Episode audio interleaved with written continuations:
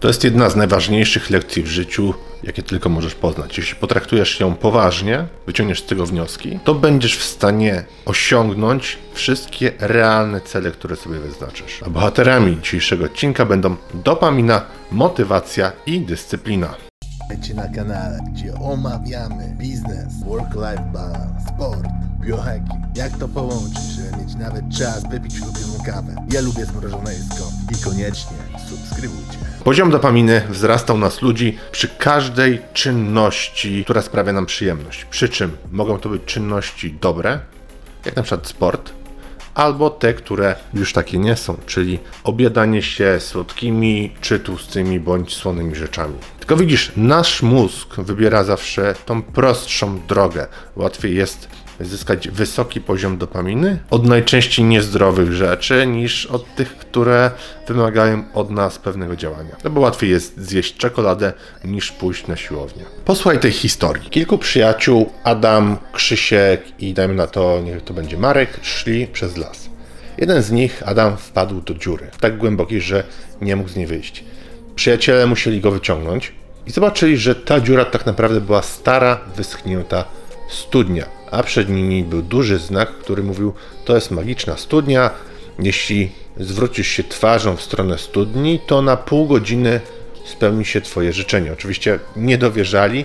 Jeden z nich powiedział: OK, to ja chcę dostać, niech to będzie czerwony rower. Drugi powiedział: Ja chcę dostać zestaw e, hamburger cheeseburger. I okej, okay. Rzeczywiście pojawił się ten rower, pojawił się ten hamburger cheeseburger i po 30 minutach e, te przedmioty zniknęły. Jeden z nich akurat jeździł na tym rowerze i po 30 minutach rower po prostu zniknął, więc nabawił się kilku siniaków. No ale spodobało mi się to dosyć bardzo, bo możesz mieć od razu coś, na co w innym przypadku musiałbyś pracować godziny, czy może nawet latami. I oczywiście Adam, Krzysiek, Marek korzystali z tych dobrodziejstw fontanny, ale jeden z nich, Adam, zobaczył, że to jest tak nie do końca, bo co nagle to po diable, tak to się mówi. I te rzeczy szybko znikały, a powodowały taki, takie podbicie dopaminy, że ok, to jest fajne i w sumie ja nie muszę się nad tym zastanawiać. I w dodatku to nie było do końca przyjemne, bo oni zawsze musieli być blisko tej studni. Czyli nie mogli się oddalić, bo te rzeczy mieli tylko na pół godziny. I Adam zrezygnował w ogóle z używania studni. Jego przyjaciele zostali cały czas tylko mieli inne życzenia, jeśli o to chodzi. Adam wrócił po kilku latach do rodzinnego miasta, bo skończył studia. E, e, ciężko i dużo czasu poświęcał na pracę. Chciał odwiedzić starych znajomych. Okazało się, że jeden z nich zmarł. I poszedł na jego pogrzeb. Okazało się, że zamawiał on cały czas z tej magicznej studni niezdrowe jedzenie. I zmarł na zawał serca, miał problemy z cholesterolem, z miażdżycą itd. Tak Czyli co chwilę zaspokajał tą swoją dopaminę niezdrowymi rzeczami, które przychodziły łatwo. I na pogrzebie był drugi człowiek, praktycznie bezdomny. Wyglądał okropnie. Okazało się, że to był jego drugi przyjaciel, Krzysztof, który przeżył, który jeszcze żył, tak powinien powiedzieć. I spytał się, co się z wami stało przez te lata. No powiedzieli, że zamieszkaliśmy w sumie już w tym lesie, obok tej studni, bo co chwilę mieliśmy to, na co mieliśmy ochotę. Mogliśmy powiedzieć, żeby studnia nam dała jedzenie, jakie tylko chcieliśmy, mm, samochody, uciechy, dziewczyny, wszystko, wszystko co oni chcieli. Uzależnili się od tego poziomu dopaminy, od tej studni i tak jak powiedziałem, mieszkali już w lesie, nie oddalali się. Od niezdrowego jedzenia jeden z nich zmarł, drugi też miał straszne problemy. Adam rozmawiając z Krzyśkiem powiedział, zobacz gdzie was ta szybka gratyfikacja, te emocje ta dopamina zaprowadziła. On tak, masz rację, byliśmy głupcami. Jak głupcy próbowaliśmy tylko łapać tą dopaminę, nie wprowadzając dyscypliny w nasze działanie, w nasze życie, nie tworząc zdrowych nawyków. Morał z tej historii jest taki, że nic dobrego nie przychodzi w życiu bez opanowania samodyscypliny. I pamiętaj, ta Magiczna studnia w naszym życiu może przyjmować różne formy. Dla niektórych może to być ciągła pogoń za schematami szybkiego bogacenia się, kryptowaluty, e, jakieś chore inwestycje, skam itd. Tak Dla innych może to być uzależnienie od rozrywek, telewizji, grania na konsoli czy od imprez z alkoholem. Dla innych z kolei może to być ciągła pogoń za płcią przeciwną dla facetów, na przykład za kobietami. I znam wielu takich przyjaciół, którzy przez lata cały czas gonią. I widzisz, te rzeczy, tak samo jak w historii, którą przed chwilą poruszyłem, mogą przynieść satysfakcję, gratyfikację, dobre emocje, ale tylko na chwilę. Bo my, jak ludzie, bardzo szybko przyzwyczajamy się do poziomu dopaminy, który mamy obecnie. Gotowy rozwinąć swój biznes z Unixel?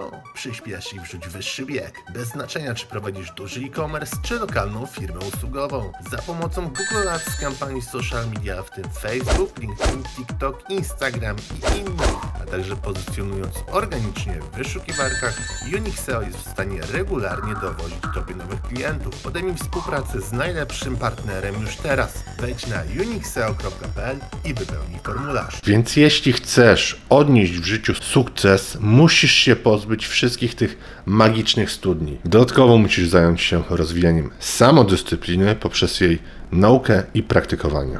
Więc jaki mamy morał z tej historii, którą opowiedziałem przed chwilą?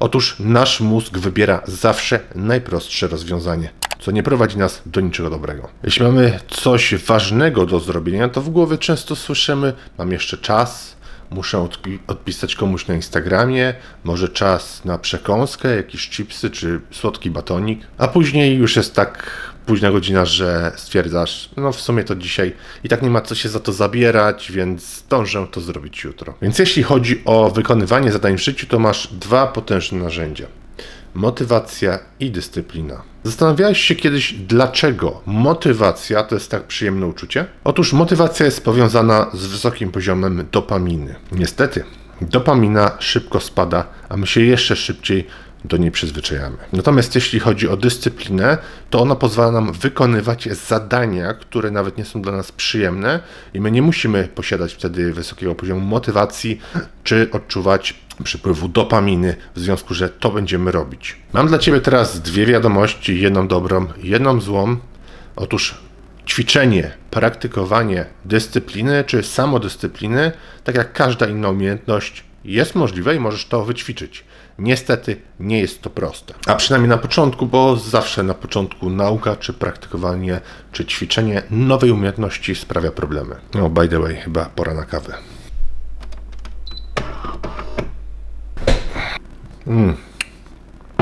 Ok, wróćmy do tego, jak można ćwiczyć samodyscyplinę. Nie pamiętam, kto to powiedział, ale amatorzy czekają, aż im się zachce, a profesjonaliści robią, bo muszą. Także pierwsza zasada to jest świadomie musisz zwracać uwagę na swoje myśli, na to, kiedy w swojej głowie masz ten głos nie chce mi się. Później.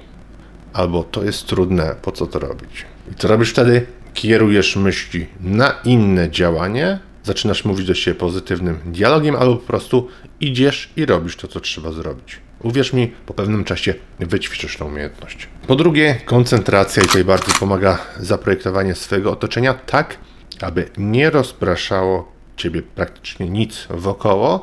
Możesz nawet włączyć tryb samolotowy w telefonie, bądź go wyciszyć totalnie. A kiedy na przykład idziesz na trening, to też telefonu nie zabierasz ze sobą, żeby co chwilę w przerwach sprawdzać, tylko zostawiasz go w szatni. Wskazówka trzecia to znajdź swoje dlaczego. Oznacza to zadawanie sobie pytania, jakie są nasze wartości, co jest dla nas ważne i co chcemy osiągnąć. Bez celu nie dopłyniesz nigdzie. Jeśli weźmiesz telefon, włączysz aplikację Google Maps i nie wpiszesz miejsca docelowego, to nie wiesz gdzie jechać. I tak samo jest w życiu, jeśli nie masz celu, który chcesz osiągnąć, to też nie wiesz co w ogóle robić. I czwarta wskazówka to jest prawo Parkinsona. Nie wiem czy kiedyś o tym prawie słyszałeś, ale mówi o tym, że praca rozszerza się tak, aby wypełnić czas dostępny na jej ukończenie. Czyli im więcej czasu mamy, to tym dłużej będziemy wykonywać to zadanie. I zobacz, to jest prawda. Jeśli jesteś na studiach, masz pół roku do sesji, nie rozciągasz pracy, że uczysz się codziennie, na przykład co 15 minut, czy co drugi dzień, co godzinę, tylko czekasz na 3 dni przed sesją, żeby uczyć się po 15 godzin dziennie, czy na przykład do drugiej w nocy. Parkinson przedstawił swoje prawo w roku 1955. On był obywatelem Wielkiej Brytanii. On został zaprezentowany w czasopiśmie The Economist i on po prostu żartobliwie nabijał się e, z władz brytyjskich, z brytyjskich urzędów, że im więcej pracowników zatrudnią, im więcej czasu im dadzą, to oni wcale nie będą robić szybciej tych zadań, tylko im więcej czasu dostaną tych zasobów, to będą robić te zadania wolniej. Zatem pamiętaj, musisz wyznaczać sobie terminy na wykonanie danego zadania i ja tutaj nie mówię tylko o zadaniach długoterminowych, tej dłuższej perspektywie, czyli co chcesz osiągnąć za pół roku, za rok, czy za 5 lat, czy za 10 lat, ale wyznaczasz również terminy dzienne, czyli na przykład mam godzinę na wykonanie tego i tego. Do godziny 15 muszę odpisać na to, na to, na to i na to. Pamiętaj o tym i subskrybuj ten kanał. Hej! Mam nadzieję, że podobało Ci to wideo. Jeśli tak, to polajkuj i subskrybuj kanał, bo robimy takie filmy regularnie tutaj na YouTube. A jeśli masz pytania, to śmiało zadaj je w komentarzach na dole. W miarę możliwości odpowiadamy na bieżąco i powinny Tobie się wyświecić teraz inne filmy, które możesz obejrzeć i do których obejrzenia zachęcam. Także wszystkiego dobrego i dużo sukcesów. Rafał Schreinert.